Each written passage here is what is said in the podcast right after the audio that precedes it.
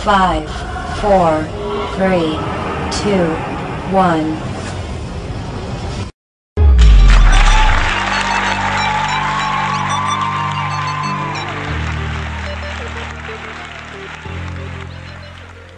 Oke, kembali lagi sama kita berdua. Ada Rere. Ya ada Darmaji.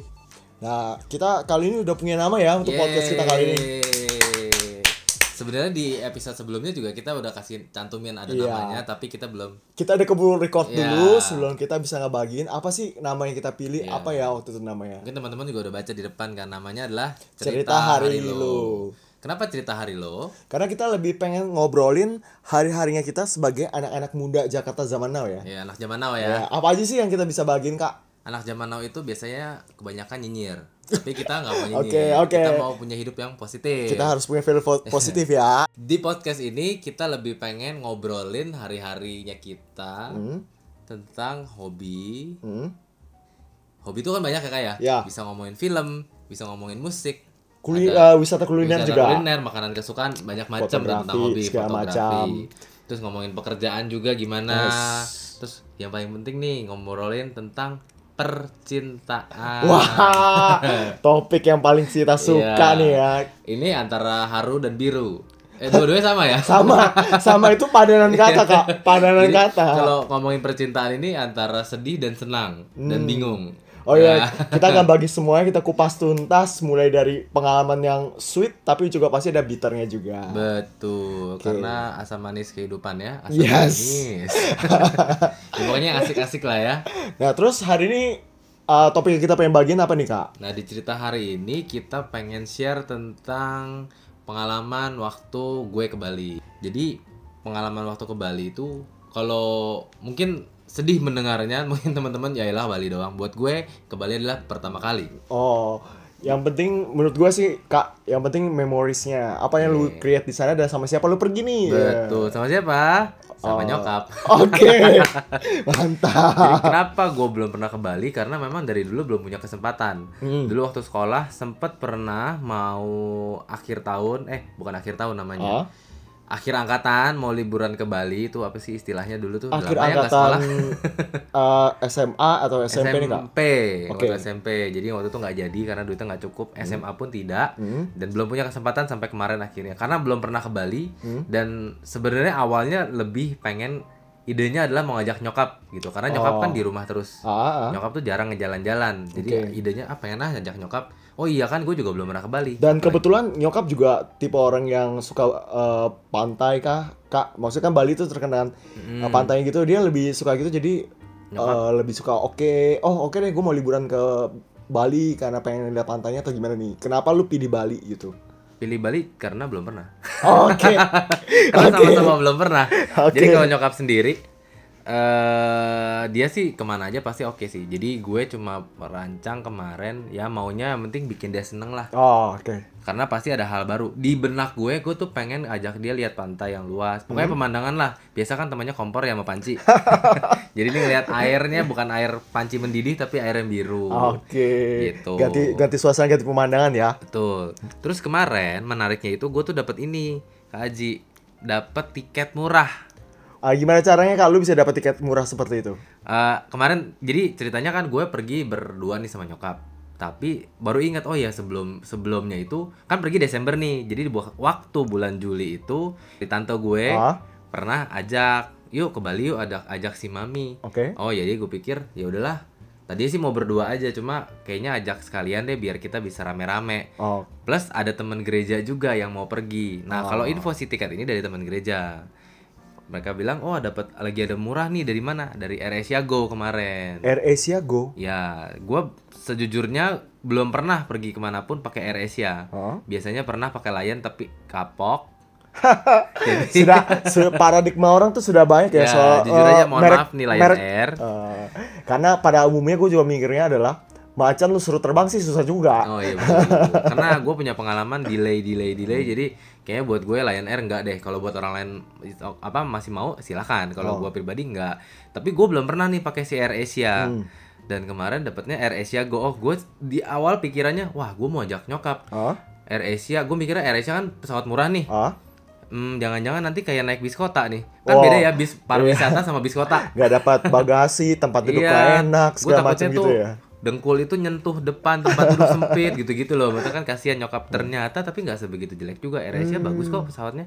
Eh, sorry itu lo AirAsia Go itu kak maksudnya lebih ke arah aplikasi atau website atau apa nih kak? Oh jujur saya kurang tahu. Oh. saya ini termasuk orang yang kurang jalan-jalan. Jadi itu teman semua yang ngurus, Oke. tapi gue cuma terlibat di pemilihan hotelnya. Ah. Tapi kalau paketnya gue cukup tahu dikit kemarin. Jadi AirAsia Go itu nawarin tiket pulang pergi, dapat tiket PP, terus dapat biaya hotel dan kemarin paketnya kebetulan lumayan lama. Hmm. Iya. Dapatnya lima hari 4 malam. Lima hari empat malam. Ya, total biayanya cuma dua setengah juta per orang. Lima hari empat malam Ya. dua setengah juta dan Ya. udah tiket PP. Betul sekali. Wah itu murah sekali sih kak. Betul, dan itu kondisinya oh tapi lama ya. Nggak nggak sampai setengah tahun sih. Cuma dua bulan terakhir kita beli tiketnya. Dua bulan terakhir bulan dan terakhir, lu ya. masih bisa dapat harga dua setengah. Betul, di Wah. Oktober kemarin sempat belinya. Mantap sekali nih. Nanti boleh dibagi kak channelnya. Jadi maksudnya mungkin pendengar kita pengen pergi liburan juga bisa tanya-tanya nih. Iya gitu. betul. AirAsia gue banyak kok sering em, ya kalau teman-teman mau cari banyak lah sebenarnya di Traveloka juga.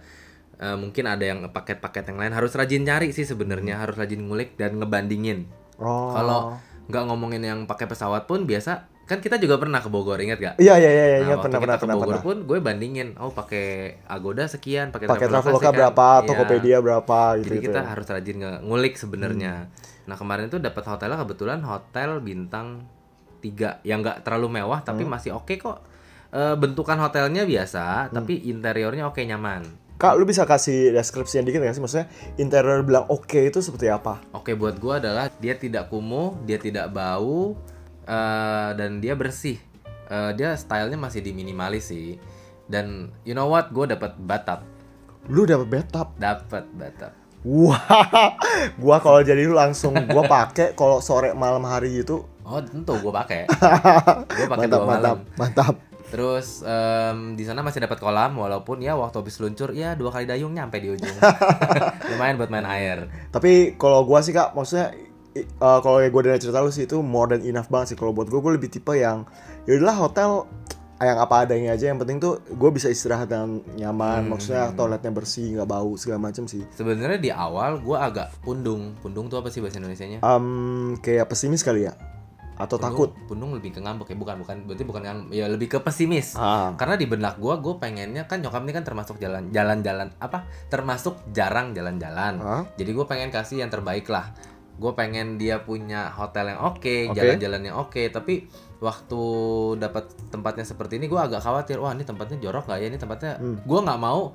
Nah, ternyata beda sama waktu kita liburan. Gue nggak Oh. mau nyokap tuh dapat kamar seadanya. Gue mau dapat yang bagus. oh Ya kalau memang di depan nggak bisa, gue bisa staycation gitu. Jadi Oh. sebenarnya pengen dapat full full service tapi ya tidak se- seperti itu tapi tidak buruk juga. iya jadi mendengar lah ya kak. Oke, kemarin tuh dapetnya di Legian Village Hotel di daerah Seminyak. oh di daerah Seminyak Ya, wah berarti tengah-tengah. itu enak banget ya kalau misalnya lu dari hotel mau ke mana-mana tuh Ke pantai udah tinggal jalan kaki doang 300 meter. wah mantap pantai Patma kalau nggak salah namanya. Mohon maaf saya sur- kurang hafal nama-nama di Bali. Gak apa-apa, gak apa-apa. Karena kita juga pelancong ya. Iya, betul. Asal jangan bencong.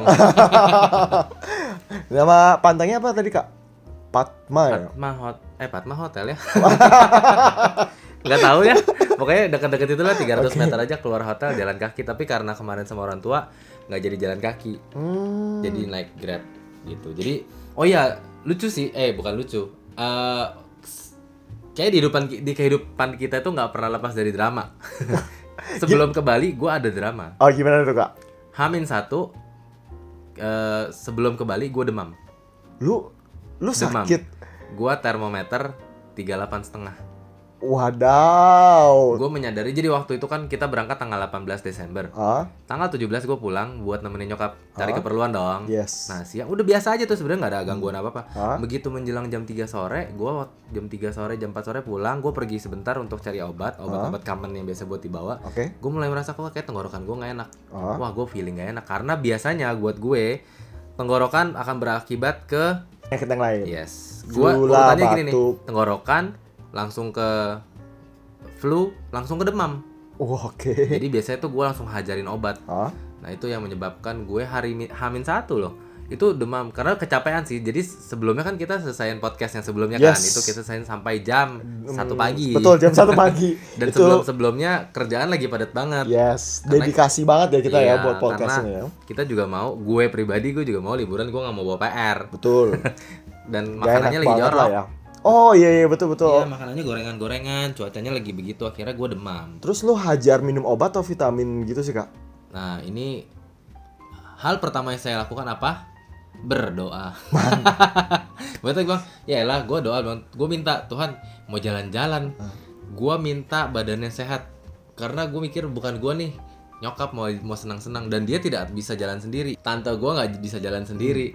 Jadi gue harus guide mereka. Ya lebih sehat dan fit Ya. lah ya untuk bisa menemani mereka. Hmm, beda halnya ketika gue sama teman-teman. Gue bisa yaudah lo orang jalan deh gue tidur dulu satu hari dua hari gue akan kehilangan. Tapi setidaknya sisanya tiga hari gue sehat. Tapi ini nggak bisa gue harus fit lima hari. Mantap. Terus setelah itu abis eh, lu kan pasti berdoa terlebih dahulu kan. Terus abis itu lu hajar obat dan besoknya? Tidak obat sih. Gue Oh. cuma minum susu beruang. Karena eh, biasanya gue minum lohanko kalau teman-teman tahu lohanko dia tuh teh herbal gitu kan. Oh. yang gue selalu hajarin itu jadi teh herbal itu biasanya isinya satu satu kardus kecil isi dua blok. Hmm. nah gue bikin satu kardus kecil itu satu hari bisa lima kardus kecil. Hmm. jadi gue bener-bener minum 5 gelas Wah lu minum 15 tapi kali ini lu Itu hajar pakai. Oh oke. Ah. karena lagi nggak punya gue beli susu beruang malam itu gue minum dua paginya minum satu artinya gue minum ti Hmm. Tiga. takut mencret hari itu gue nggak bisa tidur loh Ah, malam itu gue nggak bisa tidur bener-bener nggak bisa tidur seutuh bukannya tidur bangun tidur bangun Ah. totally tidak bisa tidur terus lu lu Akhirnya- udah lagi gak enak badan, terus maksudnya lu gak bisa, Nggak bisa tidur. tidur. Paginya gimana nih Nah, lu? itu gue bangun jam 3 pagi nyokap siap-siap gue udah telepon taksi dong sebelumnya Ah. jam 4 pagi Flight lu jam berapa sih kak? flightnya tuh jam 6 Oh dan oke. karena gue pakai koper yang gede karena gue malas bawa dua koper gue pakai koper yang besar yang ukurannya bukan bagasi eh yang bukan kabin Hmm, harus masuk bagasi dong Iya. jadi gue kurang informasi sebenarnya sih kalau eh, pesawat kan jam 6 gue pikir cukup lah dua jam naik mobil ke bandara Ah. satu satu jam cukup jadi gue pesen taksi itu jam 4 Ah, pagi-pagi temen gue kabarin. Jangan lupa ya kalau mau bagasi bagasi tutupnya setengah lima loh. Jeng jeng jeng jeng. Emang badan lagi semeriwing. Gue udah mau tenang-tenang pergi tahu-tahu "Hah, gimana caranya setengah jam nyampe bandara?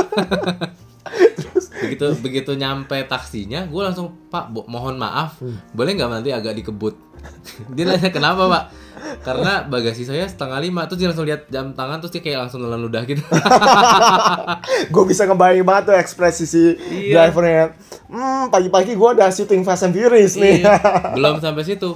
Udah keluar komplek, lagi cari-cari barang, nyokap dong. Hmm? Handphone mami mana ya? Balik lagi ke rumah. Udah selesai nih. Beneran ketinggalan beneran nggak? Ketinggalan di rumah. Oke. Gua yang balik biar cepet kan. Begitu udah ketinggal meninggalkan rumah lagi, Hmm? keluar lagi. Dompet gua ke mana ya? Drama banget pagi-pagi. Dan Terus, ternyata terus, tapi terus. untung loh, gue bilang sama supirnya, enggak pak, saya yakin banget dompet saya nggak ketinggalan karena tadi saya tenteng Ah, tapi nggak ada di tas gue Oh. tanya nyokap ada nggak di tasnya mami nggak ada. Oh. ya udah beneran balik ke rumah mau nggak mau kan dengan ber- aduh udah udah deg-degan banget deh itu. Udah waktu cuma setengah jam kepotong bolak balik udah bete. Tapi mau bete nggak bisa karena sebelum bete itu gue di perjalanan gue hampir muntah loh. Karena Oh. kan kena AC dan angin pagi kan. Oh iya Kondisi iya benar-benar. demam, Lu gua nggak lagi tidur. gak fit juga ya kak ya? iya hampir muntah banget. Dan gue harus gerasak gerusuk ya. Aduh untung nggak sakit Dan Terus akhirnya pas lu nyampe ke rumah beneran dompet lu ketinggalan di sana? Nah, baru keluar mobil, do- langsung si supir taksinya, kayaknya karena gua ngomong gue yakin udah bawa, dia Hah? langsung lihat lantai, dompet gue jatuh dong di lantai, di depan pagar rumah.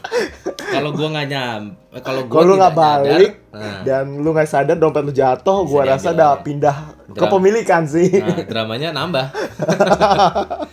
Tapi untuknya udah sampai situ dan ternyata dikabarin sama temen bagasi itu terakhir bukan jam Setengah lima, lima. tapi jam lima lima belas. Aduh. Lega sekali. Akhirnya dengan segala drama di pagi hari, kak, Selesai. lu nyampe ke bandara jam berapa tuh? Nyampe bandaranya jam 5 5 lewat 5 Hmm? tapi nyantai lah itu kalaupun agak padat tapi pokoknya masuk bagasi sampai masuk ke apa check in eh check innya kan kita online Ah. masuk ke pokoknya eh, aman lah Eh, dari check in dari masukin barang ke bagasi sampai bahan gue sempet sarapan.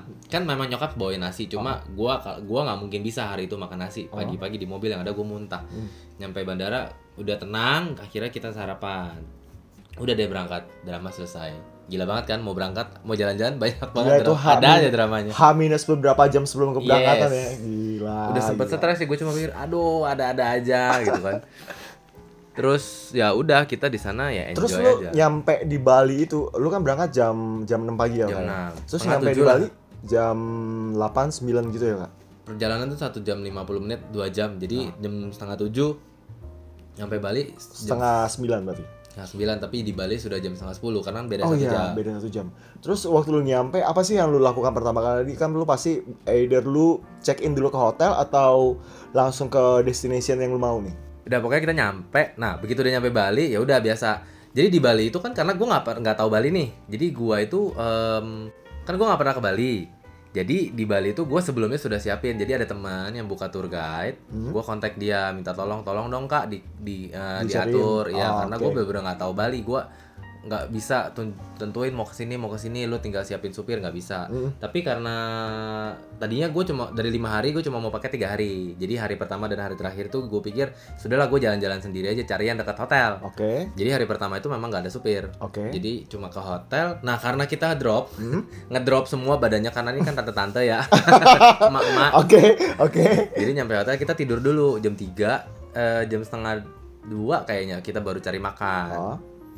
Baru cari makan. Eh enggak. Nyampe nyampe hotel tuh jam 11 berarti kita tidur sampai jam 1 aja. Oh, oke. jam 1 kita mulai cari makan. Nah di Bali ini makanannya babi semua ternyata. Eh, sama di Bali ini banyak kan B2 oh, banyak kan B2 ya. ya. B2 dan pedas ya, Kak ya? betul betul. Dan dan gue kan pecinta pedas ya sebenarnya. Hmm. hari pertama itu gue coba makan babi guling Pak Malen. Pak Malem. ya Pak Malen ini nggak gitu jauh dari hotel. Ini di- direkomendasiin dari teman. Jadi gue Oh. makan ke sana. Pakai grab Oke. Jadi pas nyampe sana baru nyampe meja terus bapaknya tiba-tiba ngomong apalah something yang ngomongnya ada pedesnya. Terus gue langsung waduh kan gue ada sepupu, sepupu gue nggak bisa makan pedes coy.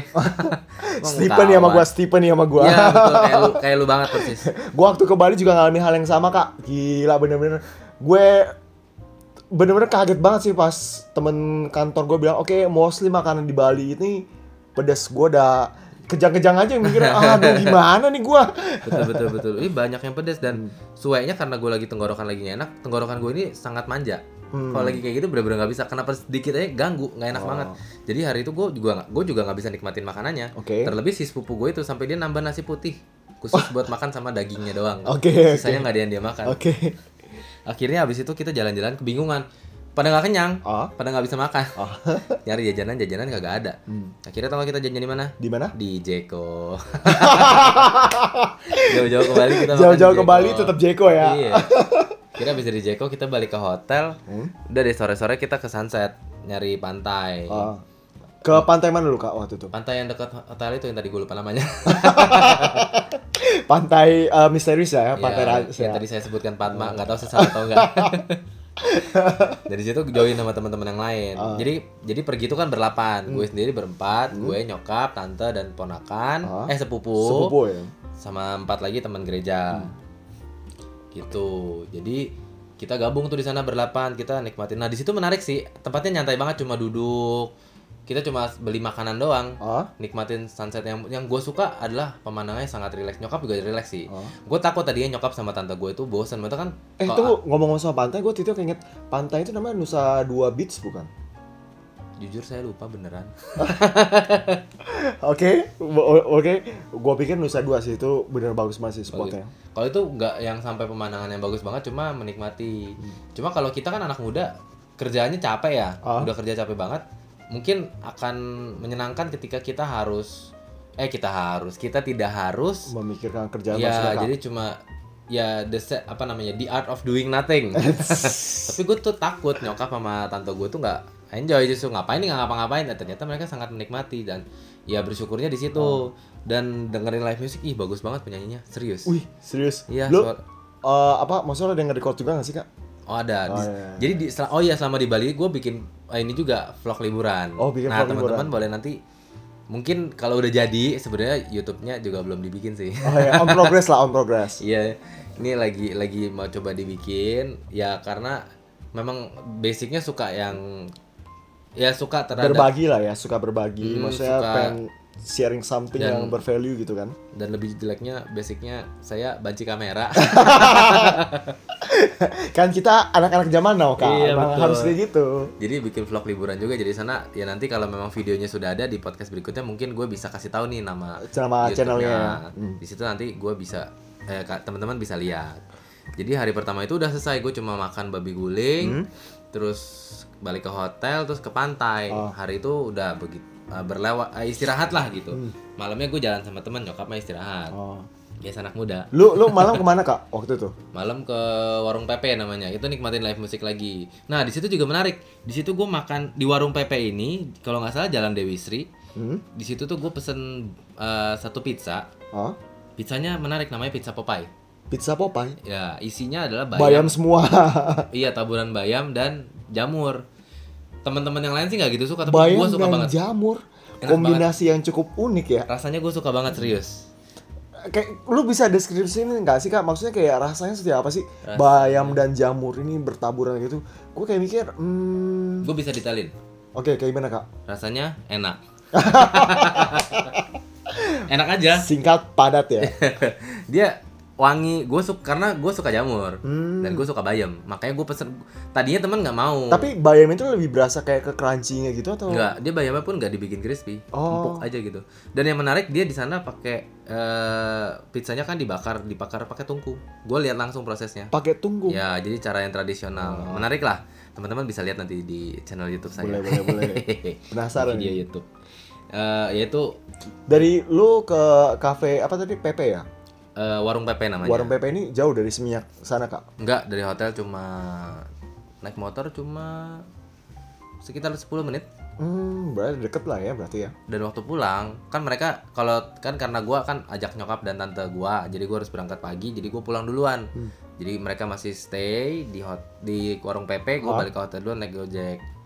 Di oh iya, di Go- di Bali itu Gojek harganya lebih murah loh dari Grab. Hah, lebih murah? Lebih murah. Kalau di Jakarta kan lebih mahal ya. Iya sih, malah kebanyakan lebih mahal. Di sana semua Gojek lebih murah. Makanya gua pulang pakai Gojek. Eh dapat driver cantik. Nggak bohong.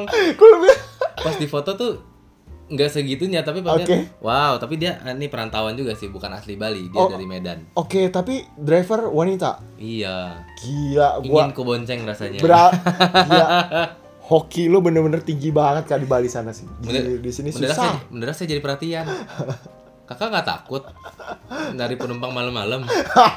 Kakak pulangnya di mana? Kakak biasanya ini narik lagi atau pulang? Sekalian, rasa sekalian ya, sekalian, sekalian. gue rasa dia ketakutan di motor.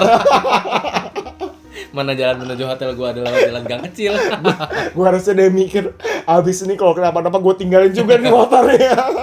dan gue simpen loh nomor nomor dia. Enggak Wede, gue nggak save maksud gue eh, karena gue sempet calling dia. Ah, eh, ini callingnya gara-gara ada perlu atau memang karena ada perlu-perluan? janjian, janjian. Oh, oke. sebelum dia pick up gue kan gue bilang gue di warung Pepe Ah. karena titiknya kan nggak di situ sebenarnya Oh, Oke. jadi waktu pulang gue cerita sama temen ih dapat driver cantik gue ngomong sama mereka eh gue punya lo nomornya tapi sampai hari ini juga gue nggak kontak sih Gak apa-apa, gue yang kontekin aja apa kak? boleh boleh ini jomblo ngenes kita pindah topik apa ini hari Oh ini iya. Emang kalau topik ini selalu asik ya buat dibahas ya? iya betul betul betul Oke. ya hari Hari sih selesai. pertama selesai. hari kedua Hmm. hari kedua gua ke ini ke Bedugul Bedugul itu satu temple di situ bagus sih jadi hari kedua itu arahnya ke puncak jadi gua ke dua tempat Bedugul sama Jatiluwih namanya Jatiluwih. Bedugul Oke. itu temple Hmm. Jatiluwih itu eh, lihat teras sering Sorry, sorry, teras wah pasti sekolahnya bolos mulu nih Gue sebenarnya udah lupa sih data-data pelajaran pas masih SD ya. teras sering itu ini loh ya pengairan dari sawah dari atas ke bawah itu Oh, yang berundak-undak gitu ya? Ya. Oh, Oke. Jadi mau lihat itu tapi ternyata hujan. Jadi waktu itu cuma makan. Nah, di Jatiluwih ini ada satu tempat makanan yang spesial. Dia punya sate. Nah, ini sate ayam, Hah? bukan B2.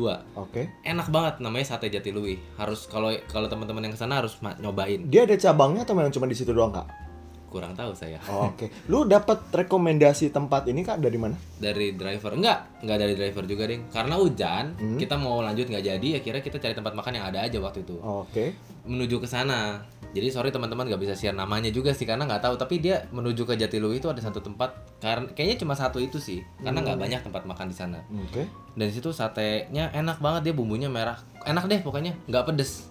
Secara harga dia gimana nih kak? Terjangkau Harganya nggak nggak mahal, Hmm, terjangkau. per porsinya range-nya berapa sih kak? Kalau Sekitar 40 ribuan ya satu Oh. porsi. Dan di Bali ini unik kalau di Jakarta kan satu satu tusuk satu porsi sate isinya hmm, 10 tusuk. 10 lah ya. Kalau di Bali semuanya 8 8. Kena, kenapa tuh kak? Ada kepercayaannya kak? mungkin ya nggak nanya sih Oh. cuma semua di sana satenya isinya 8 habis dari Jatiluwih itu akhirnya eh, oh penasaran si tante ini penasaran karena semua teman-teman dia ini nanya udah makan sate babi bawah pohon belum Oh, tanya iya. sama driver nah ya Terkenal tuh, terkenal. betul kan terkenal pasti teman-teman juga pernah dengar dan ternyata si sate babi bawah pohon ini udah pindah Oh. udah pindah dan kayak Sebelumnya di mana tuh kak? sebelumnya persis di bawah pohon Oke. Iya, Oke. namanya babi sate babi bawah pohon. Makanya teman-teman juga bilang kalau hujan jangan makan sana. Ya hujan nggak bisa makan. Oh, Oke oke oke. Dan penasaran kan Gua sih? lagi mikir tuh kak, gimana ya kondisinya kalau bener tiba-tiba di sana Lagi hujan deras, hujan. dia lagi bakar. Ya udah makanya pakai kuah. Dan singkat cerita gue cari di Google akhirnya ketemu. Hmm. Jadi kalau teman-teman yang nyari sate babi guling dia ada di Jalan Dewi Sri.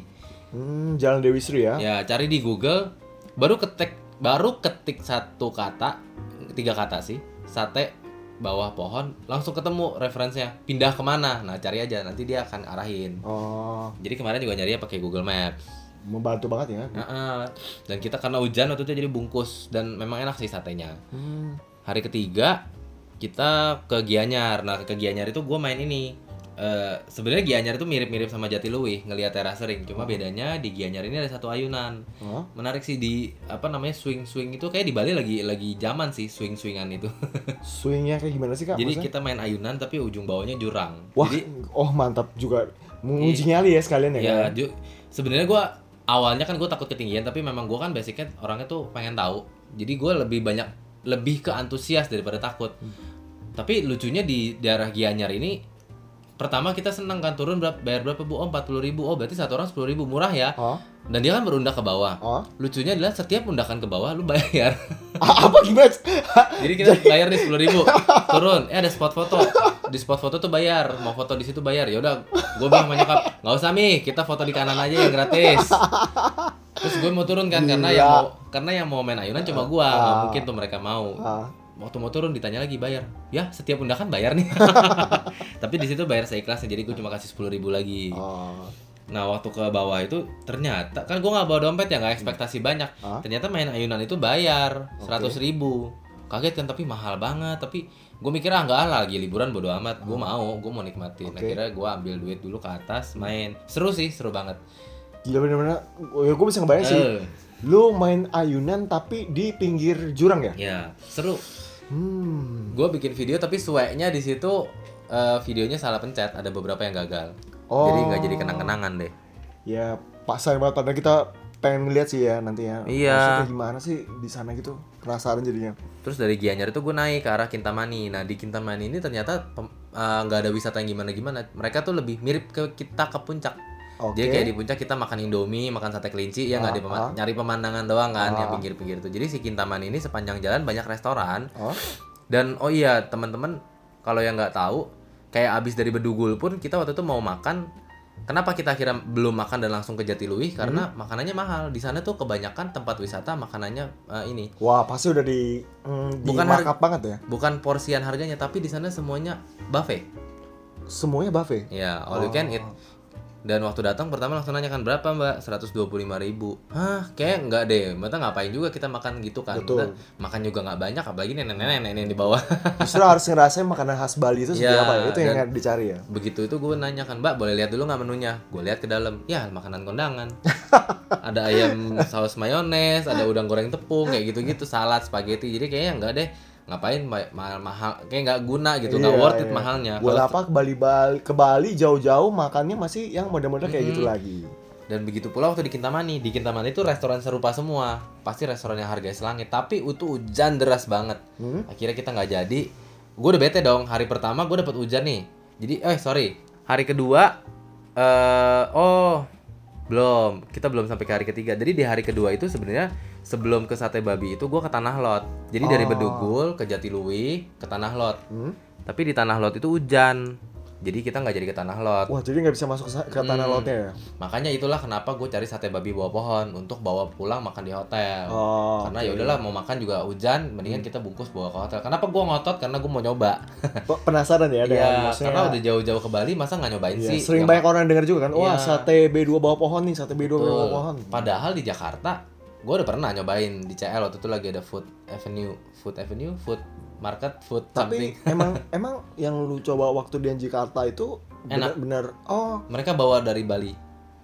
oh sorry buka franchise Bukan atau buka franchise, lagi ada pameran makanan. oh, oke Food Festival.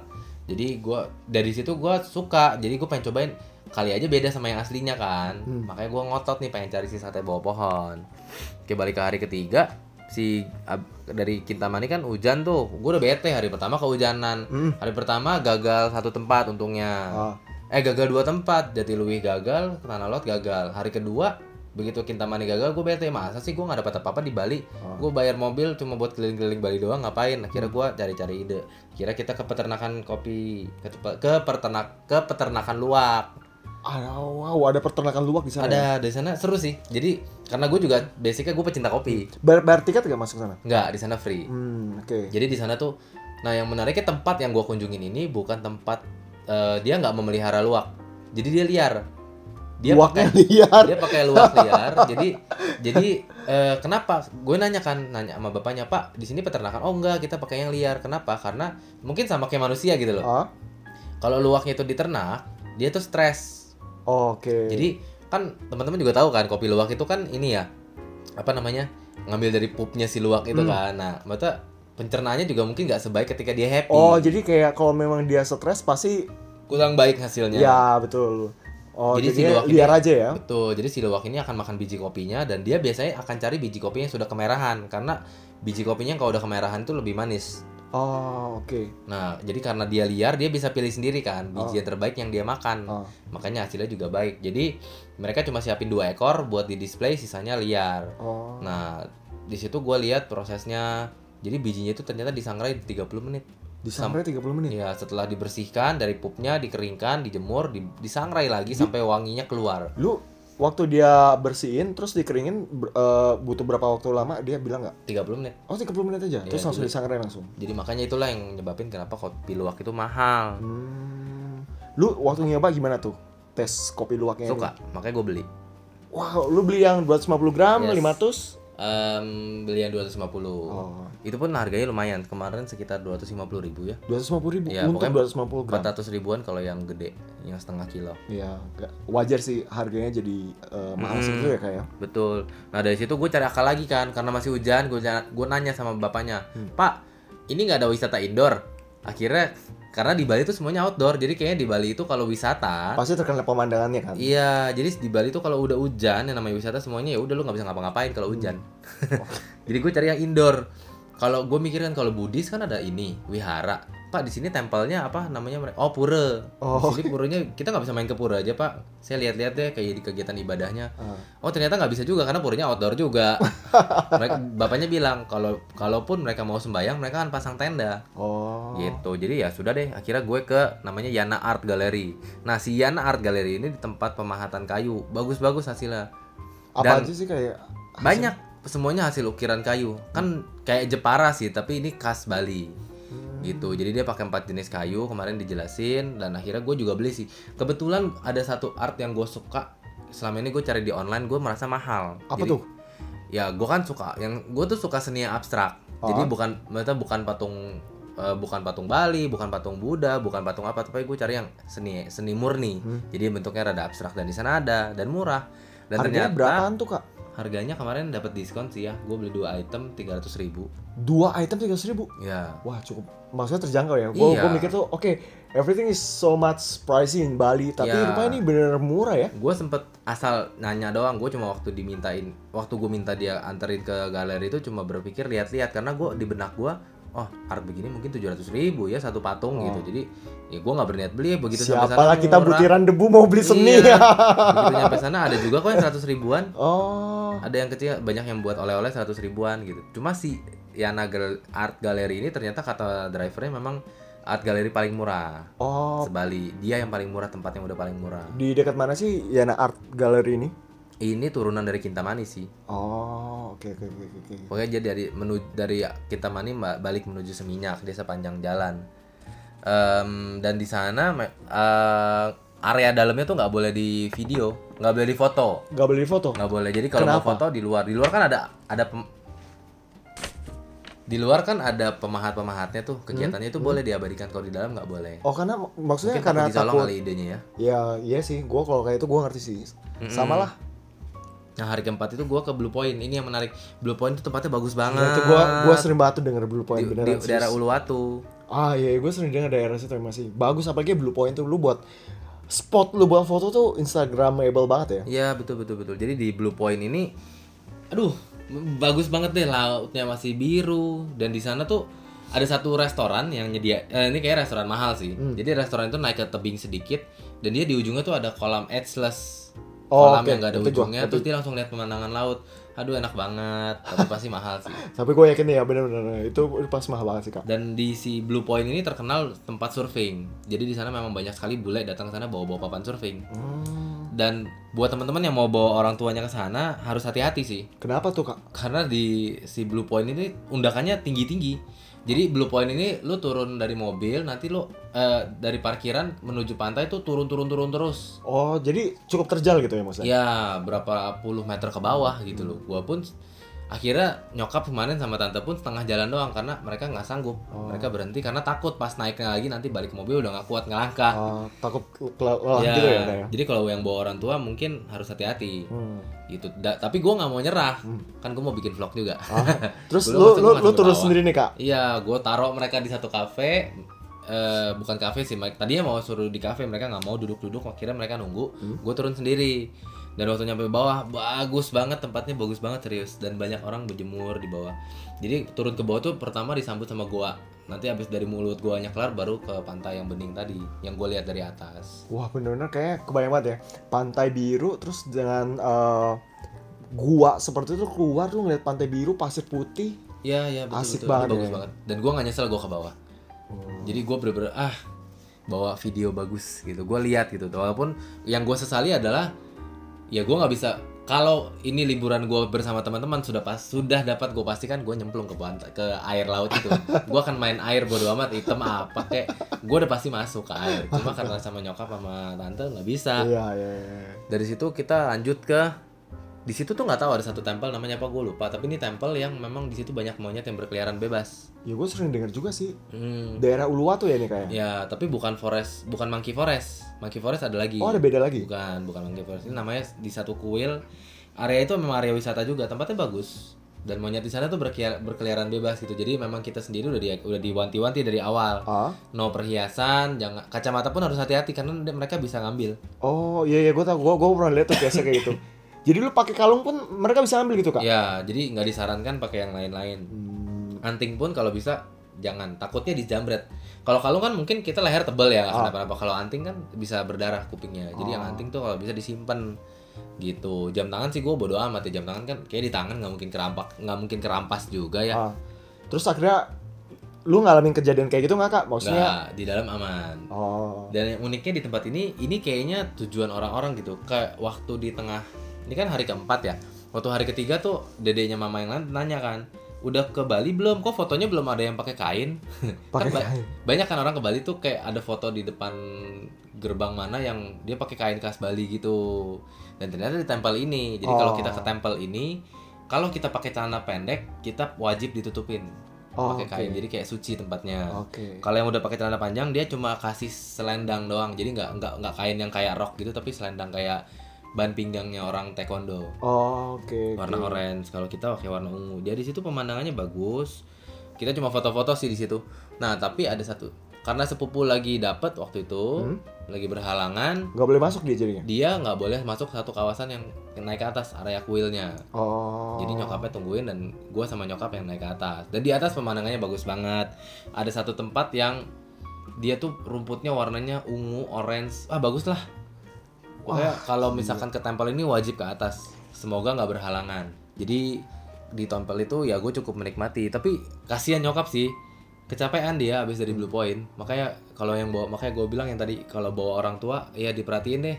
Harus lebih maksudnya take care mereka ya juga. harus pelan-pelan. Pelan-pelan banget ya Karena bisa ngikutin pace-nya kita kan? stamina-nya mereka beda sama stamina-nya Hmm. kita. Jadi harus diperhatiin. Waktu nyokap jalan tuh gue nanya, ini mau mau dari tempel mau balik ke gerbang itu nanjak. Oke. Gitu. Gue nanya kan, masih oke nggak mi? Ah, Tadinya dia mau oke. Gue lihat dia kayak kecapean deh. Gue ajak dia duduk dulu. Oh. Ngos-ngosan loh. gue lari gue beliin Pokari. ah, Udah habis langsung sebotol. Artinya dia kecapean banget kan. Gue kasihan banget. ah. Oke udahlah kita abis ini pulang. Udah begitu pulang malamnya pada Oh. ngorok semua. berarti malam off nih ya nggak ke mana-mana Hmm. nih kak Gue sudah janji, gue udah ngomong sama tante gue, gue janjikan malam ini kita semua tidak ada yang sulit tidur. Dan ternyata kata tante gue apa? Gue juga ngorok. Biasa gue nggak ngorok loh. Cuma hari itu dia bilang apaan? Lu ngorok kencang banget tadi. Kayak gue kecapean juga. Iya. terus abis itu besok kan hari kelima nih Hari Ah, terakhir. destinasi lu apa nih Nah hari terakhir kan tadi gue bilang hari terakhir kan lima hari tiga hari doang nih pakai mobil tapi ternyata gue nggak puas Hmm. hari terakhir gue mau balik lagi ke tanah lot yang tadinya hujan jadi Oh. gue sewa lagi mobilnya satu hari lagi khusus nganterin kita ke tanah lot Hmm. gitu karena oleh-oleh kan sebenarnya udah dibeli di hari keempat kemarin Hmm. Jadi beli oleh-oleh itu di Titilas sama di Krisna Krisna tuh lengkap banget loh. Itu kayak pusat belanja oleh-oleh terbesar ya? Ya kok komplit banget ya Krisna itu. Tapi kalau untuk makanan kalau memang ada yang spesial ya nggak semua ada di sana sih. Cuma Oh. dia kayak sen- senternya aja gitu banyak. Oh. Titilas menye- menyenangkan sih. Semua tentang babi. Di sana makanannya B2 semua. Wah.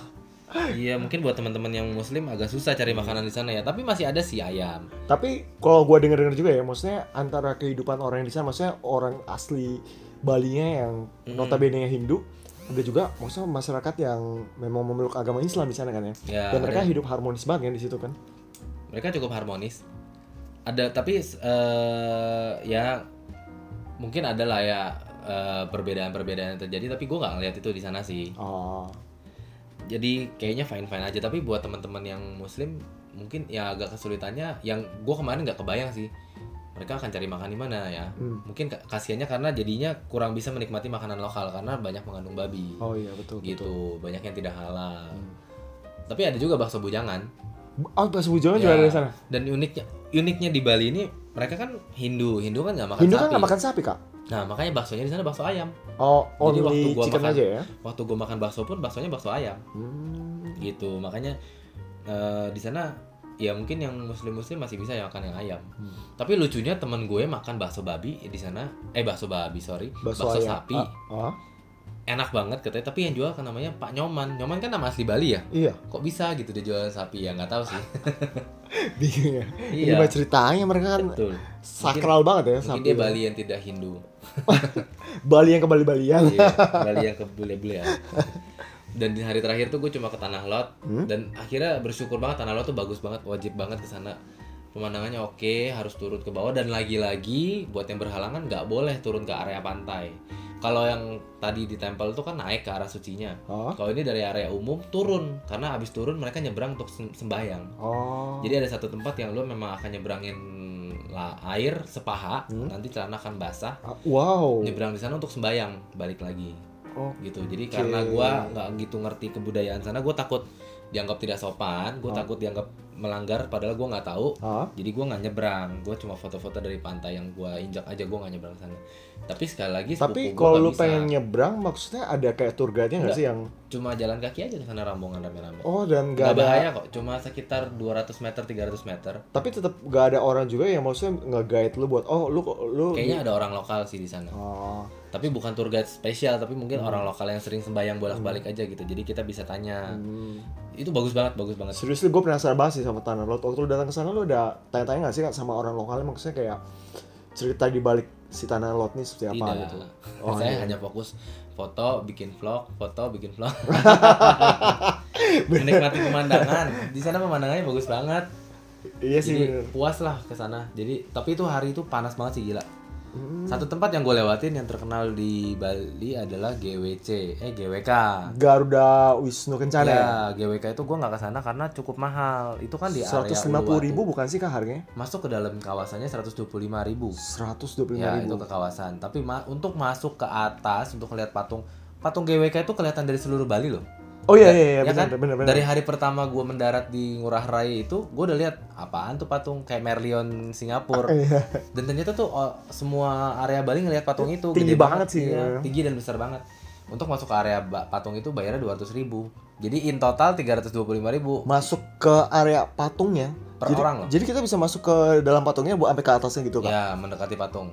Oh jadi mendekati patung aja, jadi bukan maksudnya sampai naik ke atas gitu ya? Ya, eh gak tahu sih, mungkin sek- area sekitaran patungnya. Cuma gue mikir, kalaupun kita bayar 200 ribu, itu kan patung gede banget ya. Ah. Yang mau difoto apa batu?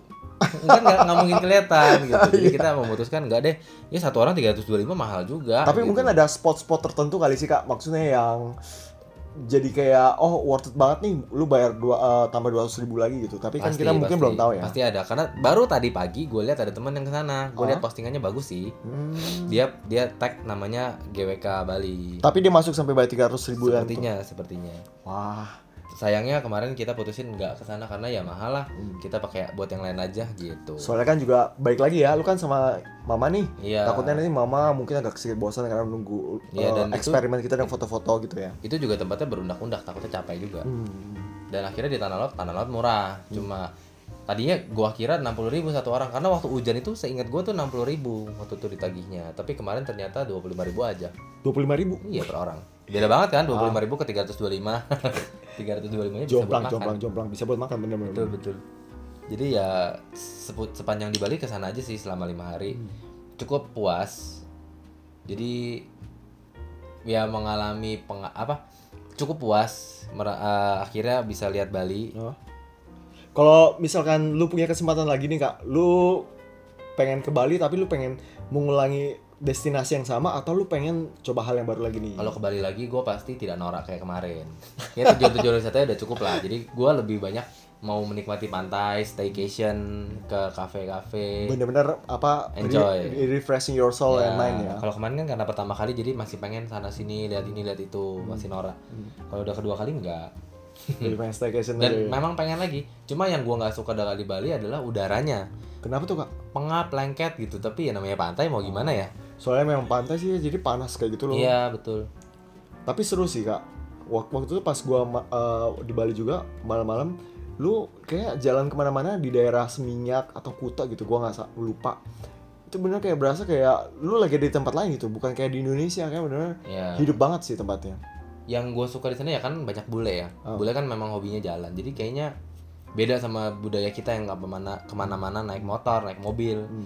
Dan kita pun jadi ke bawah gitu. Ah ke sini jalan aja lah. Maksudnya jalan pun rame gitu. Jadi seneng gitu. Senang aja, gue juga sih, gue ngerasa kayak itu sih kak. Mm, jadi waktu malam-malam waktu tante udah nyok sama nyokap udah istirahat tuh kan gue selalu jalan sama teman malamnya kan. Gantian shift. Pagi sampai siang gue sama mereka. Malam gue mau menikmati hidup sama teman-teman waktu itu kita ja- jalan-jalannya nemenin ada teman mau beli tas rajutan kita keluar hotel jalan. Kayak enak aja gitu sebenarnya. Oh tapi dia pas beli tas rajutan kayak tadi bilang segala macam tuh eh, harganya sendiri terjangkau apa enggak sih kak? oh untuk harganya gila sih jadi nyokap itu ya namanya juga sekali lagi orang belum pernah ke Bali dan norak gitu mereka pengen punya topi rajut Oke. mereka mau beli ya gue juga bilang ya nggak apa-apa beli aja bagus kok buat foto gitu Hmm. kan ya beli pertama kita nggak tahu karena kita keluar hotel kita lihat banyak yang jual ya udah kita per hari pertama tuh ma- malamnya habis dari yang hujan-hujanan tuh habis beli sate babi guling eh sate bawah pohon Hmm. beli di dekat hotel Hmm? dibukalah harga 125.000 satu topi. Like what? Topi iya. topi rajut aja 125 ribu. Nih Iya. gue nggak tahu tangan siapa yang ngerajut ya. gue sampai ketakutan gue udah nggak tahu mau nawar berapa. Gue pikir gue mau nawar seturun-turunnya 80.000 ribu segila-gilanya 70.000 ribu. Gue nggak ikhlas beli topi 70.000 ribu. Kayaknya nggak di harganya gitu loh. Akhirnya lucunya waktu ke Bedugul itu yang tadi gue bilang hari kedua ke Bedugul ke tempel tante gue tuh mau beli. Gue langsung bilang nggak salah mau beli di sini ini area wisata loh malah tujuan wisatanya harganya mahal loh tau nggak nyokap beli berapa Berapa? 25.000 ribu aja kak Jadi Beda ya. Iya, dia buka harga start di 60.000 akhirnya deal di 50.000 dua. Uh, gitu Bener-bener beda jauh banget sih itu. iya dua puluh ribu kalau di sana 125 udah bisa beli 4 6 Udah bisa beli betul-betul. iya kayak mahal jadi waktu temen juga mau beli tas rajutan dia tapi untuk tas rajutan ini gue bingung sih karena akhirnya temen waktu itu nggak jadi beli karena dibuka harga 150 gue tawar 35.000 ribu Seratus seratus lima puluh ribu lu tawar tiga puluh lima ribu. karena berdasar pengalaman topi rajutan itu kan nyoba namanya usaha Oke oke. Terus dapat gak? nggak dapet dia kekeh di 100 ribuan lah Oke. sebenarnya gue juga bukan mau nawar gimana sih karena gue ngerti gue juga orang yang menghargai seni Hmm. gue tahu untuk kayak bikin kayak gitu tuh susah men Ah. Jadi ya tapi nggak 150 ribu juga gitu tapi gue tahu nggak boleh kerendahan sebenarnya 70 ribu 80 ribu oke karena gue tahu lah kesan seni itu selalu membutuhkan Ya, usaha Iya butuh usaha, Kasian idenya juga juga. mereka. Mm. itu Terus yang mahal buat lu sendiri nih, Kak. Dari pengalaman liburan di Bali ini, apa sih yang paling berkesan dan memorable buat lu? yang paling berkesan buat gua babi guling jadi hari pertama itu waktu makan makan babi guling kan gua nggak menikmati tuh karena pedes Hmm? babi guling Pak Malen itu di benak gua nggak enak jadi waktu temen ngajakin yuk kita coba babi guling yang lain ini katanya babi guling paling enak sebali Oke, namanya? namanya babi guling slingsing Sling Sing. Nah. Oke. kalau teman-teman ke sana harus cari babi guling slingsing ini jauh lebih enak daripada Pak Malen Hmm. jauh lebih enak akhirnya gue makan di sana gue mikir wah tante sama nyokap kemarin dapat gambaran nggak baik nggak baik juga nih tentang babi guling Hmm. takutnya mereka diajak makan babi guling langsung ah babi guling nggak enak Iya. gue nggak mau gitu mereka gue akhirnya gue bungkusin buat mereka sarapan besok. Kan Ah. di hotel dapat kulkas. Ah, gue angetin dari pantry hotel. Mereka suka. Memang enak. Oke, gue sekarang balik nih nanya. Price-nya sendiri bagaimana? harganya jauh. Si Pak Malen itu satu porsi 40.000 ribu. Ah, si babi guling yang slingsing ini satu porsi 25.000 ribu aja kak. Satu porsi dua puluh lima Ya, ribu. lebih enak. Tapi memang dia cukup jauh sih. Hmm. waktu dari hotel kan gue waktu itu malam ya sama teman perginya. Jadi naik motor. Naik motor pun kita setengah jam Setengah jam. ya jadi memang Buset. areanya cukup jauh. Gue sempat merasa nih salah tempat gak sih? Kita kalau dari Jakarta gitu sampai areanya tuh hampir mirip-mirip kayak puncak. Jadi ada area yang mau mutar terus bawahnya jurang. Ya cukup jauh lah perjalanannya. Ini tapi demi demi makanan yang terkenal Iya, ini ya. demi nyobain. Tapi akhirnya puas worth it banget. Satu porsi 25.000 ribu itu kan nasi plus lauk. Oh. ternyata di sana sediain juga porsi yang nasinya dipisah. Kalau nasinya dipisah lauknya lebih banyak Oh. tapi nambah 10.000 ribu aja jadi 35.000 ribu. Wah, tetap lebih murah dari Pamalen. Ya bahagia kayak Iya. kalau kita pindah ke sana ya. Tuh, jadi bukan yang mau ngejelek-jelekin Pak Malen punya tapi memang eh, ini lebih murah dan lebih enak. Kalau buat gua ya Ah. jauh lebih enak dagingnya lebih empuk. Kulitnya di Pak Malen punya tuh keras hampir nggak bisa dimakan. Yang kemarin tuh empuk. Jadi gua punya gambaran oh memang babi guling tuh enak. Puas banget Kayak memang eh, beda tempat, beda eh, masakannya ya. iya betul beda tangan sama yang mengesankan di Bali ini semua tuh tentang babi Mas ya ampun pagi-pagi sarapan karena gue masih tidur biasa ya i- Ah, biasa ya mulai tante-tante ini keliling-keliling. Iya, pagi-pagi mereka tuh udah jalan pagi karena kebiasaan nyokap kan bikin kue juga bangun subuh kan. Iya. Jadi liburan pun mereka bangun jam 6 jam 7. Hmm. Balik-balik udah ada sarapan dia. Gue tanya kan beli di mana itu? Sama ibu keliling lewat. Oh, nasi bungkus dong. Oh, iya, Oke. Pas dibuka ada babinya dong. Semuanya isinya babi dong di Gua, Bali. gua gua jadi kepikiran jangan-jangan setiap di mana pinggir jalan pun orang jualan makannya babi lagi, babi iya, lagi. karena kalau di Bali tuh memang semuanya babi sih. Banyak kan memang main makanannya Iya, mereka babi. mostly kayak gitu ya. Mm, waktu di tempel yang monyet itu pun waktu jalan ke toilet itu nemuin pedagang keliling lagi jongkok lagi siap-siap jual sate. Sate apa bu? Babi. iya, jadi semua serba babi. Gila komoditi utama. Kayaknya kita berdua bahagia nih kalau pindah ke Bali ya. Kolesterol pak. Si nasi bungkus itu tebak harganya berapa? Hmm, nasi bungkus ya. Hmm, gua bilang di harga 35.000 ribu deh. 6000 aja kak. Enam ribu. Yes, 6000 doang. Besoknya di hari Itu kedua. babi pakai babi apa? Babi Nah. pengawet. Besoknya makan babi lagi tapi sama ibu-ibu yang lain nasi bungkus lagi. Ada paruhnya kali ini. Jadi ada daging babi, ada paruh. hmm, Semua nasinya mereka ada lawar. Tahu lawar nggak? kurang tahu sih. Lawar tuh makanan khasnya Bali. Jadi lawar tuh dari kalau nggak salah ya, nangka, labu sama ada kelapa. Makanya lawar ini nggak tahan lama. Dua jam juga dia bisa basi. Oh. Dua tiga jam bisa basi. Makanya cepet nasi lawar ini lah yang bikin khas lah bau-baunya Bali. ah. Nah hari kedua tuh lawar, babi dan paru. Harganya nambah seribu jadi tujuh ribu. Tujuh. Iya, murah banget. Buset, buset. Gila gua punya paradigma oh Bali itu semua mahal. Iya, ternyata murah itu tidak. iya rupanya ternyata enggak ya masih ada yang mahal itu kafe-kafenya oh iya hari pertama juga waktu malamnya gue makan di Notinuris Oh, Notinuris ini makan iga bakar. Hmm, nah ini enak banget sih, terkenal sih emang. Itu memang cukup mahal satu porsi 100 ribuan. Iya. tapi porsinya banyak. Whole set gitu kan iganya Iya. maksudnya enak banget. Gue pesen satu untuk berempat kenyang. Ah satu buat oh iya Iya. iya iya. gua ngerti. soalnya kan memang kebetulan kan mama tante mungkin makannya nggak gitu ya banyak luar gitu. biasanya adalah kita pesen teh. Oke. Mau tahu harganya berapa? Oh berapa kak? 40.000 ribu. Untuk teh hangat eh, teh luar biasa ya 40.000 ribu untuk beli teh empat puluh ribu Jadi untuk teh aja sudah menghabiskan 80.000 ribu. Jadi malam itu makan 300.000 ribu kayak nggak penting gitu. rasa Gila pengen banget. rasa pengen gua awet itu teh terus Iya. gua mau pulang Teh gua apa itu kasih teh, lihat teh dewa. teh dari Bali empat puluh ribu Dan nih satu hal yang paling menarik dari Bali, waktu jalan-jalan yang dianterin sama driver itu kan kita wisatanya semua jauh-jauh tuh. Jadi kayak ke puncak mana ujung-ujung gitu kan. Nah, dari satu tempat ke tempat lain tuh lewatin karena dia nggak mau lewat jalan protokol yang macet, dia potong jalan-jalan kampung. oke Nah desanya di sana tuh, ih dia ngomong kan ini kita lewat pedesaan pak, terus gue betah banget. Gila, gue lihat rumah kiri kanan kiri kanannya rapi banget, enak banget sampai gue ngomong sama bapaknya, pak pengen deh pak saya naik sepeda di sini, pengen sepedaan beneran. Beda banget sama kampung-kampung di Jawa gitu, rumahnya nggak berantakan, tertata. Dan karena di Bali kan semuanya tatanan rumahnya jadi satu gitu kan, Iya, betul. punya pagar kus, apa pagarnya punya desain sendiri. Oh. satu rumah dengan rumah yang lain banyak patung. Yang kayak bener-bener kayak ini kayak kota wisata Ah. bukan kayak desa.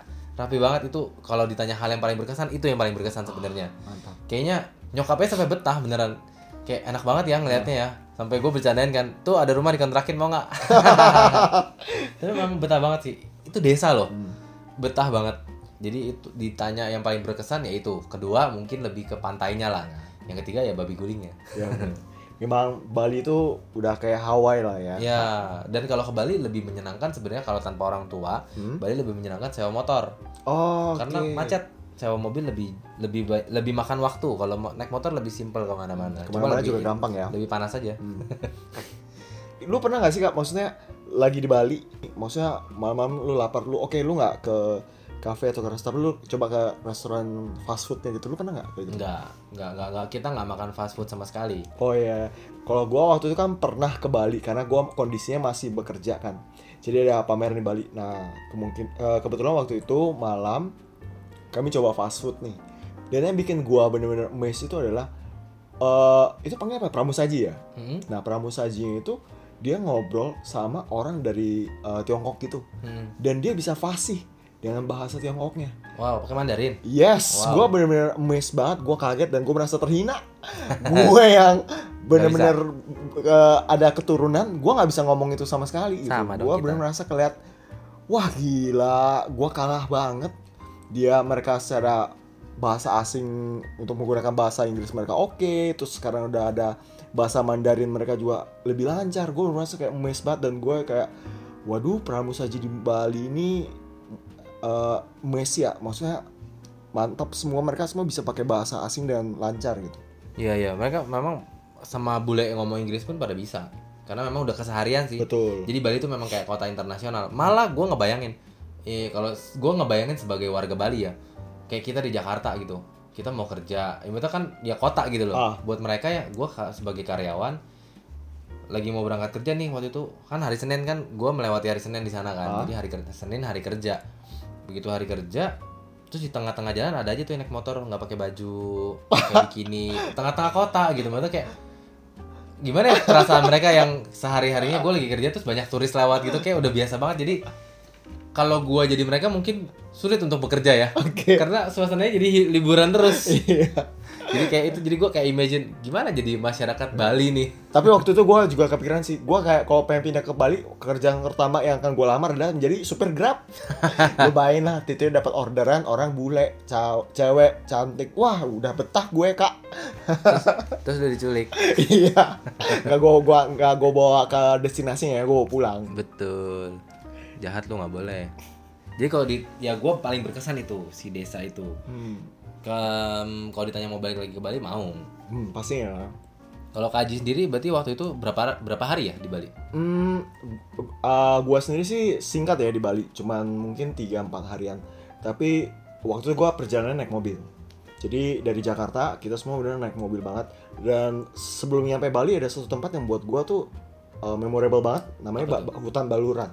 Hutan Baluran. Yes, jadi kalau lu searching di Google atau teman-teman yang udah pernah datang sana, pas lu lihat hutan Baluran tuh bener kayak semacam Afrika gitu lah. Wah, oh, oke waktu itu lihat deh di Instagramnya. Ya.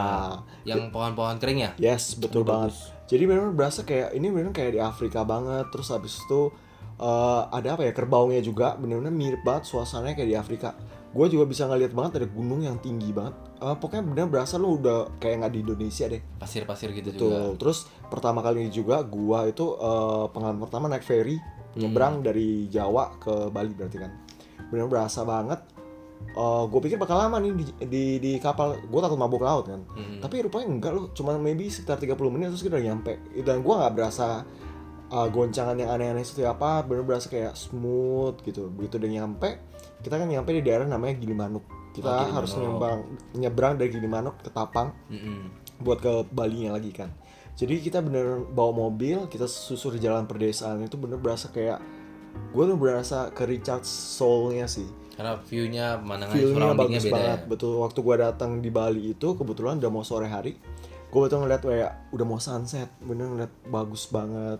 Terus gue juga perhatikan kalau waktu itu masih di daerah pedesaan ya, Gilimanuk Ketapang, gue lupa. Di sana itu nggak ada yang namanya Alfamart atau Indomaret. Eh, ininya sama, logonya sama warnanya tapi namanya itu nggak boleh pakai Alfamart atau Indomaret gua nggak ngerti kenapa sih cuman mungkin ada kayak perjanjiannya gitu Oh kalau itu gue bisa jawab mungkin. ah Karena waktu gua ke Wonosobo, di Wonosobo juga satu kota Wonosobo cuma ada satu Indomaret. oh Karena mereka tuh kayak anggap eh, ini nggak boleh. Karena mereka mau lebih memajukan Usaha menengah. usaha lokal. oke Jadi mereka punya waralaba sendiri. oh Jadi yang lokal. Jadi kalau yang luar mungkin diizinkan tapi cuma satu, terbatas lah Hmm. gitu. Kalau memang di situ sepanjang jalan nggak ada berarti nggak nggak boleh. nah kalau di sana ada minimarket bener warnanya sama kayak misalnya Indomaret tapi namanya itu bukan Indomaret tapi lebih ke arah hmm, Indonesia. apalah gitu saya lupa kemudian begitu udah sampai di sana gua ngerasain banget kan waktu itu kebetulan tinggalnya di Nusa Dua. Oh di Nusa Dua. Yes, jadi waktu itu sempat main ke pantai Nusa Dua, bener ngeliat view-nya itu bener berasa kayak wah, ke segala penat itu kayak hilang begitu aja. Jiwa tuh bener udah ke recharge sendiri. Dan waktu itu gue masih inget hari terakhir gue mau balik nih dari Bali ke Jakarta. Kita main dulu nih Oh, ke Nusa Dua. gue main dulu kan ke Nusa Dua. Berharap kali aja ada bule nyantol gitu kan. Hmm. rupanya nasib berkata tidak. Tuhan berkata yang lain. Tapi lucunya adalah ketika gue lagi ngelihat Nusa Dua ini eh gue kaget di situ ada banyak orang yang lagi ngelakuin photoshoot buat prewedding. Oh. gue waktu itu ketemu kali ada sekitar 5 atau 6 pengantin ngelakuin photoshoot prewedding. Sampai gue capture itu dan gue bilang memang sih seorang wedding organizer gak bisa jauh-jauh dari pengantin ya? Mau di kota mana pun tetap ketemu aja. Lagi liburan tetap aja lihat mah pengantinnya kalau Iya lagi liburan tetap ketemu pengantin. Terus eh, seru sih, benar berasa kayak gitu. Terus gua kebetulan waktu kerja ya, Eh, tapi tetap berasa enak. Eh, cuman jalan-jalan di daerah Kuta doang, tapi gue berasa kayak ya bener pikiran eh, jiwa bener-bener langsung ke refresh. Refresh. Tapi walaupun kayak gitu ya konteksnya tetap bekerja sih. Jadi memang gua baku- butuh waktu lain buat pergi lagi ke Bali. Ya nanti kita kapan-kapan ke Bali Boleh. Untuk staycation buat yang nyantai-nyantai.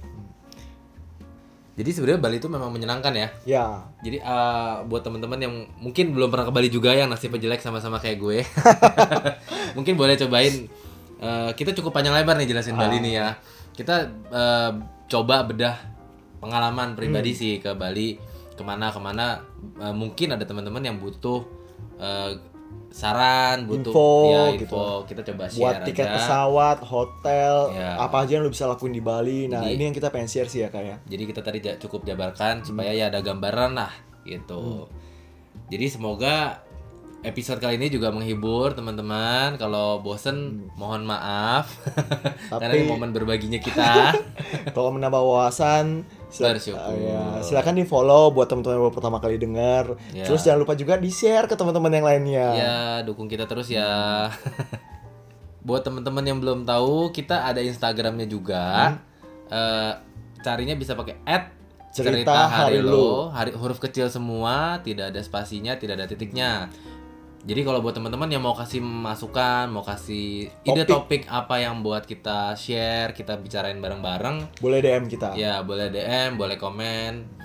Ya di sana bebas lah mau ngapain aja. Sarannya kita buat saling kita saling bertukar pendapat ya. Ya, karena kita juga butuh masukan dari teman-teman semua. Oke, episode kali ini sampai di sini aja. Sampai jumpa, Sampai jumpa di episode yang berikutnya. Bye bye. Dah.